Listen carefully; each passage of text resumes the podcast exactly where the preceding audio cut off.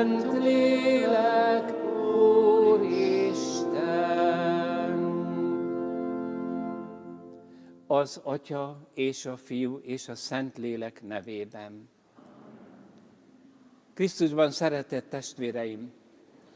Ezeken az adventi vasárnap estéken a papságról elmékedünk, felhasználom Szara Bíborosnak a könyvét, mindörökké ez a címe, amelyet most fordítok.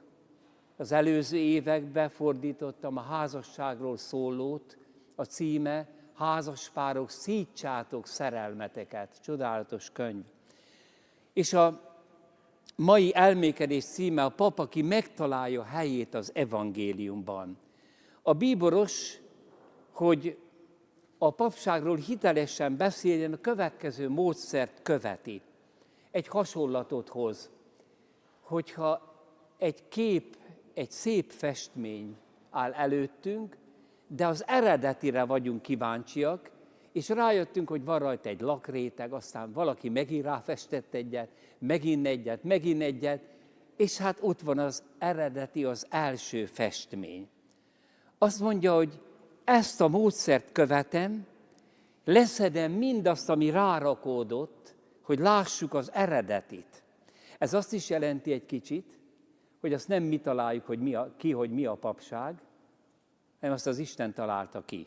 Ezt meg kell tanulni. Nem mi találjuk ki, hogy mi az a házasság. Azt Isten találta ki. Ez nagyszerű hasonlat, azért nagyszerű, mert ideillő hasonlat, mert restaurálás van, visszaállítása a képnek. És egy bizonyos vonatkozásban igaza van. Hát minden hasonlatnak egy bizonyos vonatkozásban van igaza, és arra kell figyelni. De azért két megjegyzést előzőleg tennem kell. Valóban illik ez a hasonlat a papság megújítására, megkeresni a legősibb réteget. Mert azért egy festmény esetében a legősibb rétegről kiderül, hogy az egy nagy gics. Az egy értéktelen kép. Csak a vásznat használták fel a későbbi festők, és ráfestettek. Persze megtartva ugyanazt a témát, mondjuk a témája az, hogy téli táj. De tegyük fel, hogy a több festmény közül egyről nyilvánvalóan kiderülne, hogy hát az egy zseniális tájkép. Hát akkor minek menni vissza, ahol megkapargattuk a szélét, és látjuk, hogy a legelső az egy nagyon gyatra festés. Mert azért egy kicsit így vagyunk a papság fogalmával is. Mindig egy kicsit módosult. Újabban is. Van egy új egyházkész, azt mondják, és egy új papkép. De vajon ez az újdonság nevezhető-e zseniálisnak? Egyesek úgy gondolják, hogy igen, teljesen más az egyház, egy új egyház, egy új papság. Nem igaz, mert nem működik. Nem működik. Olyan egyházkép, amely mindenestül új, az nem Krisztustól való. Ha sohasem volt, akkor ez már gyanús, mert akkor maga a téma is meg lett változtatva. Azért, hogyha egy tájkép volt az eredeti, aztán megváltoztatják, és egyszer csak egy futballmeccset fest meg valaki. Lehet, hogy nagyon jól meg van festve, csak az nem arról szól, amiről ez a kép szólni akart. Ha a mai katolikus papságról alkotott kép egészen más lenne, mint a 2000 éven át, mindig ugyanannak a vonásoknak a visszatérésével megfestett kép, akkor nagy baj lenne. Ha egy más lenne a témája, például az, hogy lelkészek, lelki menedzser, elnököl a misén, le is váltható. Hát az a kis fiatal lány, aki tartja azt az igeliturgiát, szebben beszél, még hegedül is közbe egyet. Ez az öreg pap meg olyan kehes, meg beteg, meg addig értjük a szavát, hát lecseréljük. Kedves testvérek, azért erre nagyon vigyázzunk. Mert az első kérdés tulajdonképpen összefügg egy másik, mélyebb kérdéssel. Hát azt az elsőt kifestette a názáreti Jézus. Erről elmékedtünk a múlt vasárnap, hogy az a nagy imádság az utolsó vacsorán, az papokat fölszentelő imádság.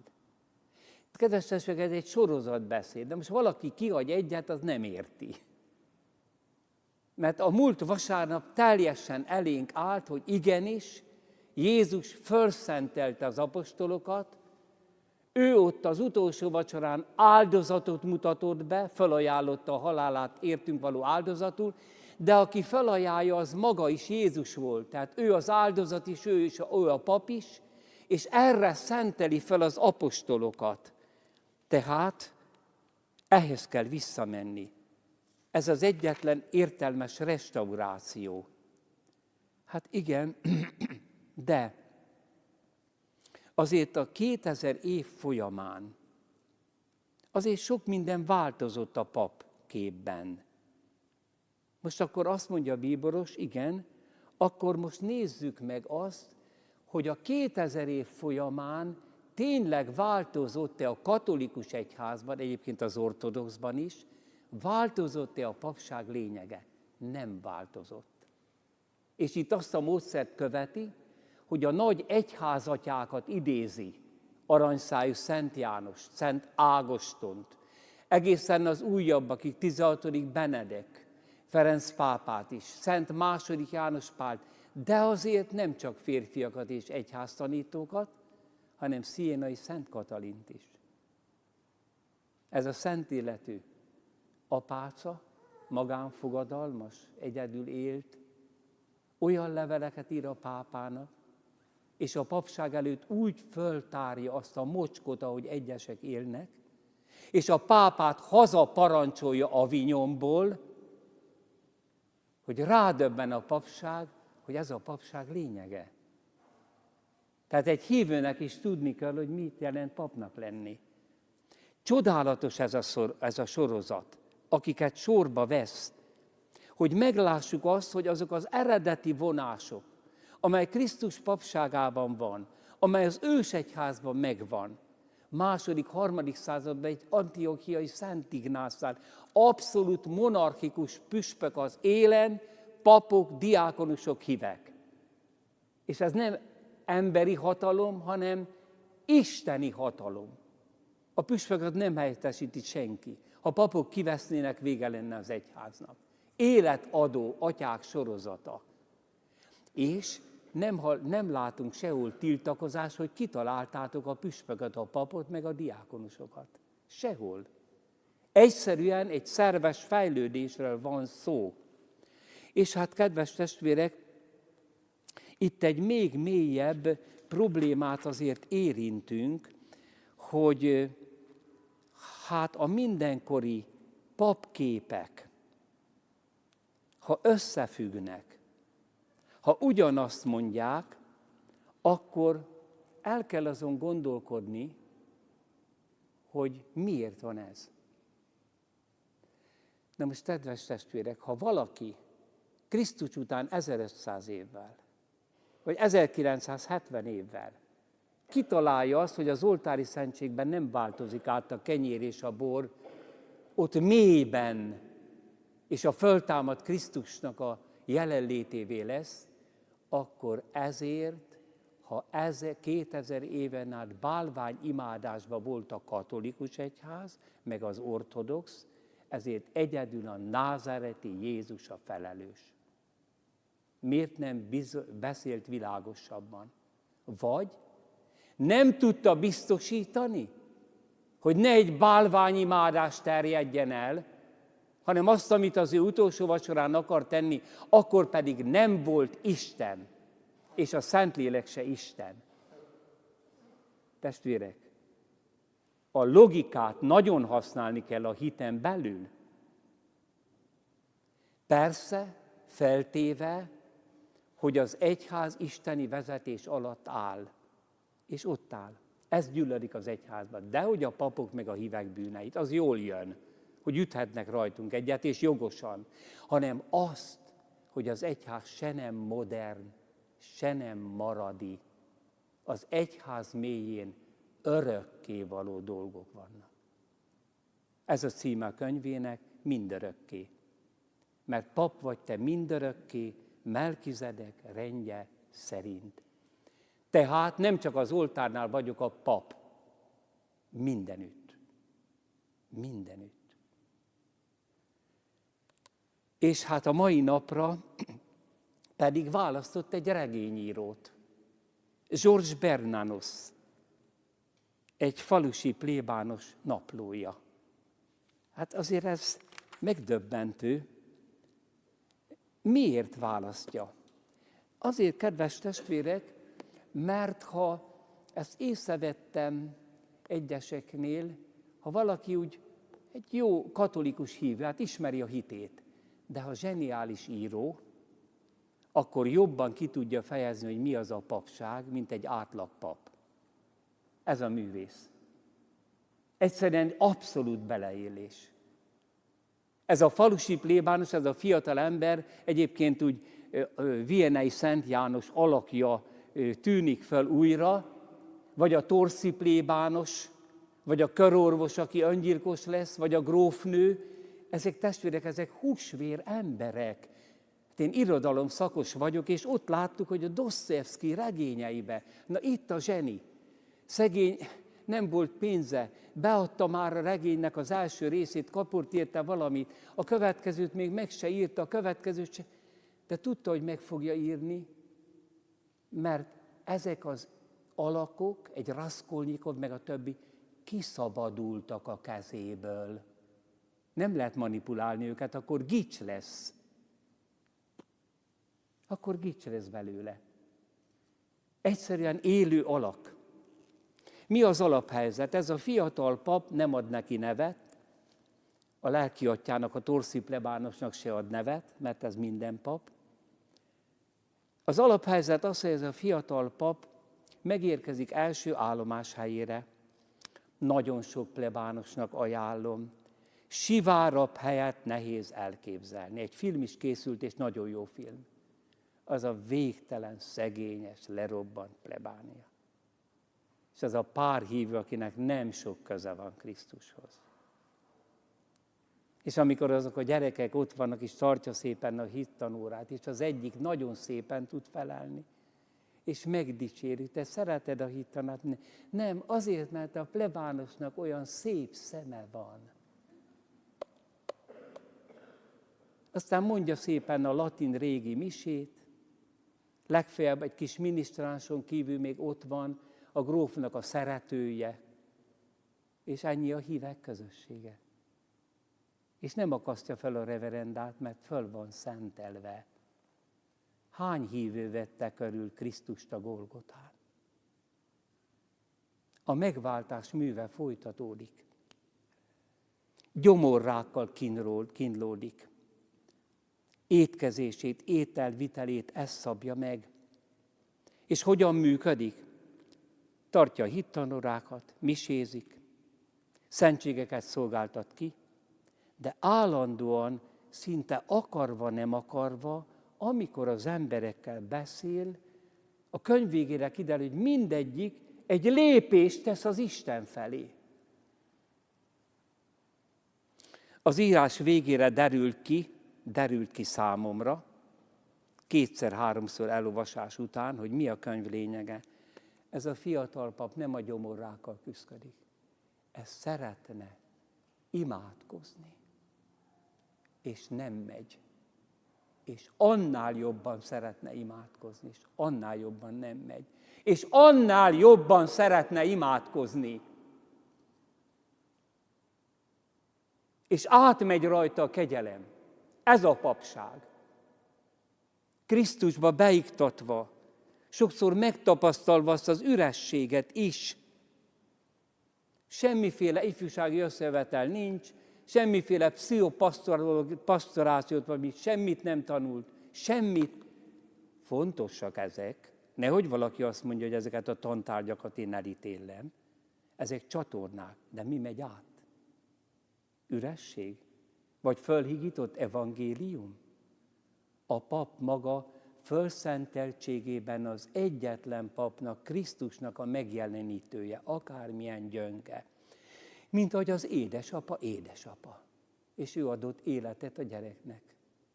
Ezért a pap az imádságban alakul pappá, mert az az Isten kapcsolat. És arra van felszentelve, hogy a többi Isten kapcsolatával foglalkozzék.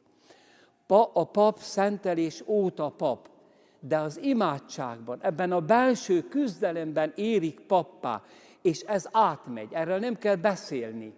Mert azzal, hogy Krisztus papságába vagyok iktatva, hajszál erekkel össze vagyok kapcsolva minden emberrel. Mert Krisztus össze van kapcsolva. Nagyon sokszor megtapasztalom. Mondom paptestvéreknek is.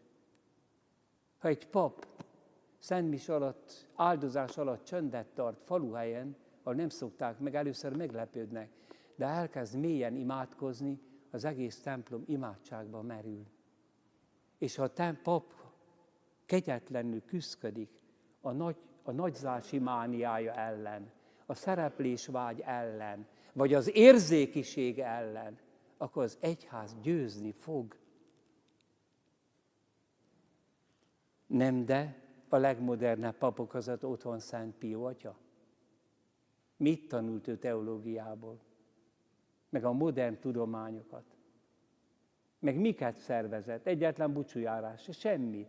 Nem ez ellen beszélek. De ahogyan ő egyesült Krisztussal, úgy megújult körülötte az egyház. Szerencsére ennek a fiatal papnak van egy lelkiatya, Torszi plébános. Nem is mai értelembe vett lelki vezető, mert a mai lelki vezetés sokszor átcsúszik pszichológiai vezetésé. Én nekem nem lelki vezető kell, nekem egy gyontató kell, aki belenézhet a lelkembe, és egy-két szóval elmondja, hogy mit tegyek. Nem ezt kérdezték keresztelő Jánostól, Mester, mit tegyünk? És azt meg kell tenni. Nem pedig ömlengeni, elmondani újra és újra az életrajzomat. Egyszer igen. Azt is lehet, hogy beszélgetést kérek, az is helyes.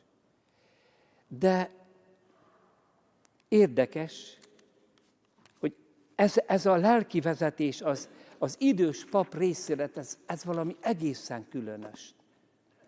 Most olvassunk bele abba, azokba az oldalakba, hát ez csak egy külön kis öröm, szabad ilyennel dicsekedni. Ugyan azokat az oldalakat húztam mellé, amelyet idéz a könyvbe Robert Szerábíboros. Nagyon megérintette az ember, a papi szívünket. Milyen csodálatos ez az beszélgetés, amikor találkozik vele. Azt mondta, a Jóisten nem azt mondta, hogy a föld méze vagyunk, fiacskám, hanem a sója. Tudod, a mi szegény világunk szemétdombon fekvő öreg jobb atyához hasonlít, tele van sebekkel, fekékkel. Ha sót hintenek a sebére, az éget. De a rothadást is megakadályozza. Az egyik bogaratok nektek, fiatal papoknak, hogy ki kell írtani az ördögöt, másik pedig az, hogy szeressenek titeket. Természetesen saját magatokért szeressenek. Jegyez meg, az igazi papot sohasem szeretik mindenütt. Sőt, tudod, mit mondok? Az egyháznak nem is fontos, hogy szeressenek titeket, fiacskám. Először is tiszteljenek titeket, engedelmeskedjenek nektek. Az egyháznak rendre van szüksége. Csináltok naphoztat rendet, csináltok rendet, és közben gondoljatok arra, hogy a rendetlenség másnap újra felülkerekedik, mert az a dolgok rendje sajnos, hogy az éjszaka földújja az előző napi munkátokat, az éjszaka az ördögé. Az éjszaka, mondtam, leírja a fiatal plébános a naplójába, azt mondtam, hogy az éjszaka a szerzetesek officiuma, föl kellnek imádkozni. Igen, felelte dühösen, muzsikálnak. igyekeztem megbotránkoztatottnak látszani.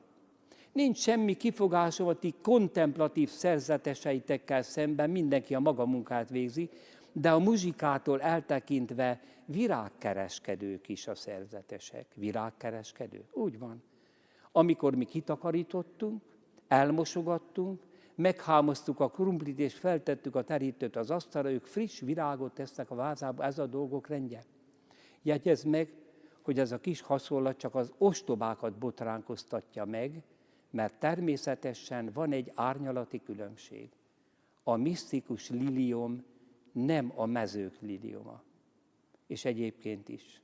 Az embert azért szereti jobban a vesepecsenyét egy nyaláb örökzöldnél, mert maga is állat, gyomor. Egy szóval a te kontemplatív szerzeteseidnek megvan mindenünk ahhoz, hogy szép, igazi virágokat szállítsanak nekünk. Sajnos néha a kolostorokban is szabotálnak, és nagyon gyakran papírvirágocskákat csempésznek az asztalunkra. Rám pislantott, de úgy, hogy ne vegyem észre. És ilyenkor tekintetem mélyén sok gyöngétséget vélek látni. Jaj, de szép! Ez a tiszta, férfias szeretet. Hogy is mondjam, valami nyugtalanságot látok ilyenkor, szorongásfélét. Megvannak a magam megpróbáltatásai, neki is megvannak az övé, de nekem nehezemre esik hallgatni róluk. Ezzel szemben ő mindig el fogja hallgatni a saját megpróbáltatásait, bármi történjék is. És zsémbes gömbölysége alatt áthatolhatatlanabb, mint azok a viassápat kartaziak, akikkel a kolostor folyosóin találkoztam. Igen. Talán azt fogod mondani nekem, hogy nem értek a muzsikához, de igen, ezt fogod mondani. És ne add az ostobát. Nos hát, fiacskám, volt az én időmben a nagy szemináriumban egy kánonjogi professzor, aki költőnek vélte magát. Csodálatosan szerkesztett, fabrikált, megfelelő verslábakkal, rímekkel, sormetszettel, mindennel szegény, a legszívesebben az egész kánonjogot versbe szedte volna, egy valami hiányzott belőle, nevezz, ahogy akarod. Az ihlet, a zseni, nem tudom én. Nekem nincs tehetségem. De tegyük fel, hogy a Szentélek egy napon valami jelet ad. Faképnél hagynám a söprümet és a törlőrongyaimat. Elképzeleted. És elmennék a szeráfokhoz, hogy megtanuljak náluk muzsikálnak. Legfeljebb kezdetben majd egy kicsi hamisra játszom, de engedd meg, hogy, bele, hogy belenevessek azoknak az embereknek a szemébe, akik kórusban énekelnek, mielőtt a Jóisten felemelné a pálcáját. Hihetetlen. Nagyon szép, ahogy aztán az igazi misztikusokról beszél, hogy igen, igen, ha meglepték őket, a misztikusokat, egyensúlyozni próbáltak. Azt mondták, ne beszéljetek erről senkinek sem, amit láttatok. Hogy sugár volt a feje körül minden. Nekem ne írjatok leveleket a látomásokról. Nem hiszem. Ha van, akkor az nektek szól. Úgy éljetek. Túl sok ez az üzenet oda átról. A szentek szégyenkeztek egy kissé, érted? Szégyenkeztek, hogy ők Isten ilyen kényeztetett gyermekei, hogy mindenki más előtt ittak a mennyország boldogságának serlegéből, és miért? Semmiért, kiváltképpen. Az ilyenfajta kegyelmek. A lélek első mozdulata elmenekülni előlük. Különösképpen lehet érteni a Szentírás szavát, szörnyű az élő Isten kezébe kerülni. Mit beszélek? A karjai közé a szívére, Jézus szívére. Végezz a dolgodat a zenekarban, legyél talán triangulumnál. Egyszerre csak megkérnek, gyere fel a dobogóra, kezedbe nyomnak egy Stradiváriust, és azt mondják, rajta fiacskám, hallgatlak. Brr. Na gyere, nézd meg a kápolnámat. És akkor nem a kápolnába beszélti, hanem a szobájába, ahol észreveszi, hogy milyen szép, faragott, szekrények vannak, plüssel, bevont karosszékek, stb. De azt mondja, nem ezt akarta nekem megmutatni, hanem bevitt egy kis szobába, amely az ő kápolnája. A falon egy eléggé csúnya olajnyomat függött, a kórháztermekben lehet látni ilyeneket, a pufók rózsás gyermek Jézust ábrázolta szamár és ökör között. Látod ezt a képet? Körösztanyámtól kaptam ajándékba. Csúnyának találom, sőt egy kisi ostobának, ez megnyugtat, de fiacskám, mi flamandok vagyunk. A Flandria a sokat ivók, nagyevők és gazdagok hazája. Ti szegény, bulonyi vidékiek, sárputriba lakó cigányok. Ti nem is képzelitek, milyen gazdag Flandria, fekete a földje. Nem szabad hangzatos szavakat várni tőlünk, melyeket önkívületbe ejtik a jámbor hölgyeket. De azért mi is fel tudunk mutatni néhány misztikust, fiacskám, és nem tüdőbajos misztikusokat. Az élet nem ijeszt meg bennünket. Jó, vörös, sűrű vérünk van, mert még a halántékunkba is ver, ha megittunk néhány pohár borovicskát. Szóval, szóval, megtörténik veled, hogy immel ámmal végzed a munkádat, de én elhiheted. Nem egyszer teljesen majdnem visszatáncoltam. És elmondja a hivatásának a kudarcát, hogy bátorítsa, hogy nem lehet nemet mondani az Úr szavára. Aztán előkörül az egyházról mit mond. Nos hát, Isten arra biztatta meg ez egyházat, hogy megőrizze a világban ezt a gyermeki lelkületet. A pogánság nem volt természet ellensége, de csupán a kereszténység teszi nagyjá, önt lelket a természetbe, teszi méltóvá az emberhez. Szeretném megfogni az egyik olyan nagyképű tudós gallériát, aki Maradinak, sötét pakkánnak nevez engem. Ezt mondanám neki, ide figyelj.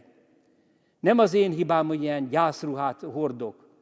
Végeredményben pápa mégis fehérben van, a bíborosok meg vörösben. Jogom lenne olyan ruhásba sétálni, mint Sába királynője, hiszen az örömöt hozom. Ingyen adnám nektek, ha kérnétek tőlem. Az egyház rendelkezik az örömmel, az egész örömmel, amit ennek a szegény világnak tett félre amit az egyház ellen tettetek, az öröm ellen tettétek.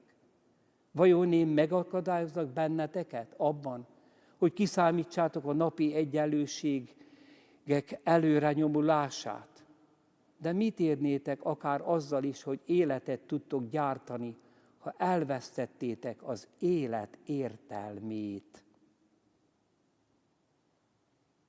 Távozáskor, amikor meghajoltam, hüvelykújjával egy kis keresztet rajzolt a homlokomra, és egy száz frankos csúsztatott a zsebembe. Fogadni mernék, hogy nincs semmi pénzed. Az első idők nehezek, majd megadod, ha tudod. Na, lódulj, és ne beszélj kettőnkről senkinek, az ostobáknak ne beszélj. Kedves testvérek, valami csodálatos. Az, hogy nem hagyja ott. Most letolt engem ez öreg pap, de szeret. Egy fél mondatába felismertem. Felelősséget érez irántam. Aztán a következő találkozás a külsővel kezdi.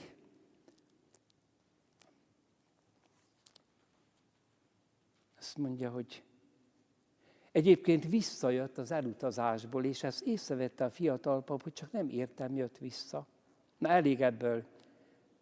Jössz vagy nem jössz, túl sokat latolgasz. A legjobb utam vagy afelé, hogy belegabajodj határozó szavaidba.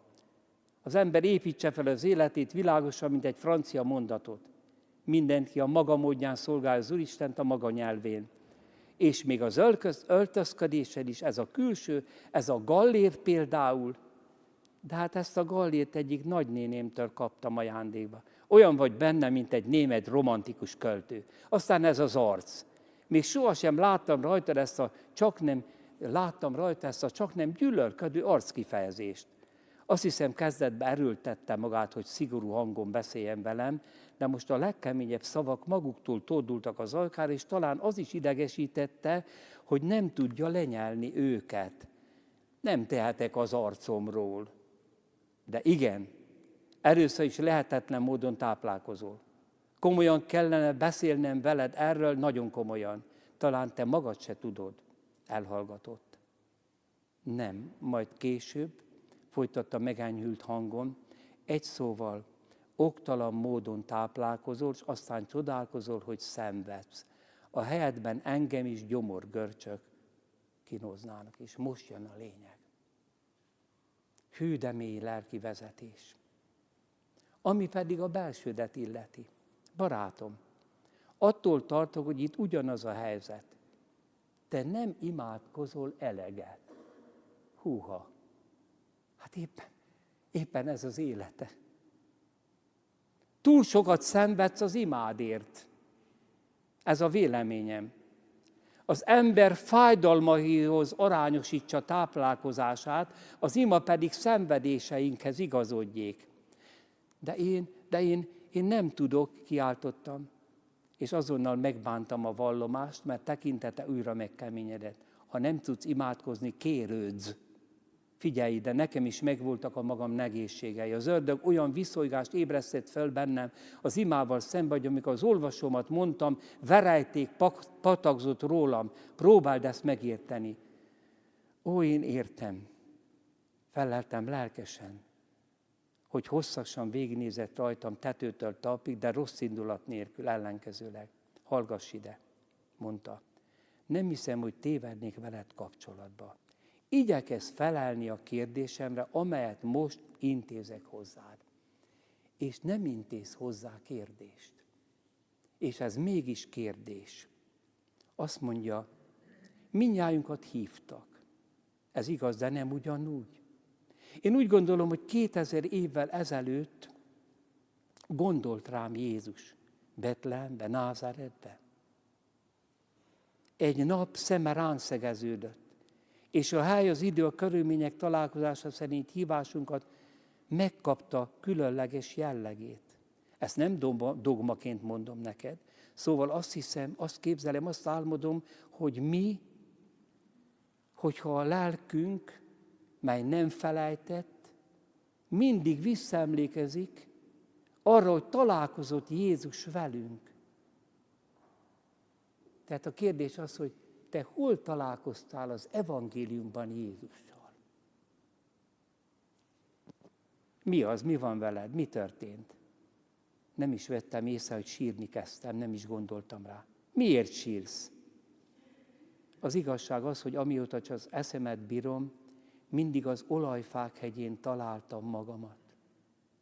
És abban a pillanatban igen, ez különös abban a pillanatban, amikor Jézus ráteszi a kezét Péter vállára.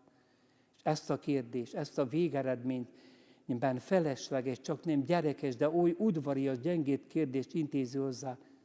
Alusztok? Bensőséges, természetes lelkiérzés volt ez. Ez ideig sohasem figyeltem rá. Mi van veled? ismételte a torszi plébános türelmetlenül. De hát te nem is hallgatsz rám, álmodsz. Barátom, aki imádkozni akar, ne álmodozzék. Imád álomba folyik. Nincs a lélek számára súlyosabb veszély ennél a vérzésnél. Kintottam a számat, válaszolni akartam, de nem tudtam. Annál rosszabb. Nem elég, hogy az Úr Jézus kegyelméből ma megtudtam öreg mesterem szájából, hogy semmi sem fog elszakítani engem attól a helytől, amelyet örök időkre nekem jelölt ki, hogy a szent agónia, a vérrel verítékezés fogja vagyok. De kimerészelne büszkélkedni egy ilyen kegyelemmel. Megtöröltem a szemem, és olyan ügyefogyott módon fújtam ki az orromat, hogy a plebános úr elmosolyodott. Felelt rá. Engem ott hívott meg, ahol vérrel verítékezét. És most jön a vigasztalás. Dolgozz.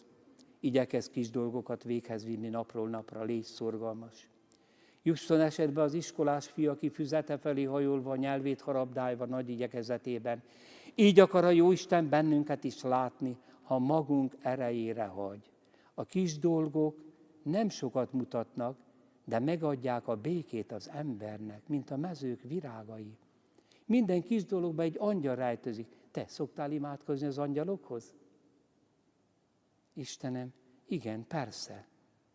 Nem imádkozunk elég az angyalokhoz. A teológusok egy kissé félnek tőlük a keleti egyházak régi eretnekségei miatt. Valami ideges félelem ez. A világ tele van angyalokhoz, te, és a Szent Szűzhöz. Imádkozol a Szent Szűzhöz? Hogyne? Ezt mindenki mondja. Csak hogy úgy imádkozol-e, ahogy kell. A Szent Szűz az anyánk, ezt tudjuk. Az emberi nem anyja, új Éva, de leánya is. A régi, a vájdalmas világ, a kegyelm előtti világ hosszú ideig ringatta mélyen elszomorodott szívén, századokon és századokon át, amíg homályosan érthetetlen egy Virgo Genixtrixre várt, egy szűz anyára. Bűnökkel terhelt öreg kezeivel, nehéz kezeivel, óvta kis csodálatos lányt, kinek még a nevét sem tudta. Egy kislány az angyalok királynője egy kislány is maradt, ne feledd el. A középkor megértette ezt, a középkor mindent megértett. De próbáld megakadályozni az ostobákat, hogy ne a maguk módján dolgozzák át a megtestesülés drámáját. És hogy megóvta édesanyját a diadaltól. Ő is visszahúzódott. Szamárháton vonul be Jeruzsálembe, mint egy paródia lenne. Ami pedig a csodákat illeti, jegyez meg jól, itt ugyanez a helyzet. Csak annyi csodát tesz, amennyi szükséges. A csodák képek egy könyvbe, szép képek. De most gondolja arra kicsikém, hogy a Szent Szűznek nem volt se diadala. Semmi. Fia nem engedte, hogy az emberi dicsőség hozzáérjen. Még nagy és vad szárnyainak legfinomabb végével se. Senki sem élt, szenvedett, halt meg oly egyszerűen, a saját méltóságának olyan mély tudatlanságában, pedig ez a méltóság az angyalok felé helyezi, mert végtére és bűn nélkül született. Milyen elképesztő magány, olyan tiszta, olyan átlátszó, olyan áttetsző. A tiszta forrás volt. Az ember ősig házi ördögei akik urak és szolgák egyben, a szörnyű pátriárkák, akik Ádám első lépteit vezették, az átokkal sújtott a világ küszöbén, a csel és a gőg, látod, messziről nézik ezt a csodálatos teremtményt, akihez nem tudtak hozzáférni, sebezhetetlen. Ami szegény fajunk nem sokat ért, de a gyermekség mindig meghatja a szívét. A kicsinyek tudatlansága láttán a földre szegezi tekintetét, mert ismeri a jót és a rosszat, tekintetét, mert annyi mindent látott, de ez végeredményben csak a tudatlanság. A szűz az ártatlanság volt. El tudod képzelni, mi vagyunk neki, mi? Az emberi faj. Ó, természetesen a bűnt megveti, de végeredményben nincs semmi tapasztalat róla. Azt az a tapasztalat, ami a legnagyobb szentekből sem hiányzik, még egy Assisi Szent Ferencből sem, bármilyen szeráfi volt is. A szűz tekintete az egyetlen igazán gyermeki tekintet. Az egyetlen, mert szégyenünkre és bajunkra vetődik. Igen, fiacskám, ha jól akarunk hozzá imádkozni, az embernek önmagának kell érezni ezt a tekintetet, mely nem teljesen a megbocsátásé. Mert nincs megbocsátás némi keserű tapasztalat nélkül, hanem a gyöngét szánalom, a fájdalmas meglepetés valami fölfoghatatlan, kifejezhetetlen érzés tekintete, mely fiatalabbá teszi őt a bűnnél, fiatalabbá annál a fajnál, amelyből származik, és jól lehet anya a kegyelem által, a kegyelmek anyja az emberi nem kislányává teszi. Köszönöm önnek, mondtam neki. Más szót nem találtam. És azt is oly hidegen ejtettem ki. Kérem, atyám, áldjon meg engem folytattam ugyanazon a hangon. A valóság az, hogy tíz perce küzdködöm szörnyű bajommal, mert sosem volt ilyen kínos. Istenem, a fájdalom még elviselhető lenne, de ez az émelygéshez hasonló érzés, mely most kíséri, teljesen megsemmisíti állóképességemet. A kapu küszöbén álltunk. Te szenvedsz, felelte nekem. Neked kell megáldanom engem. És megragadta a kezemet, gyorsan homlokához vitt, aztán eltávozott. Igen, hogy a szél keményen kezdett fújni, de most történt első ízben, hogy magas termete nem egyenesedett ki, hanem teljesen meggörnyedve ment. Bocsánat az olvasásért.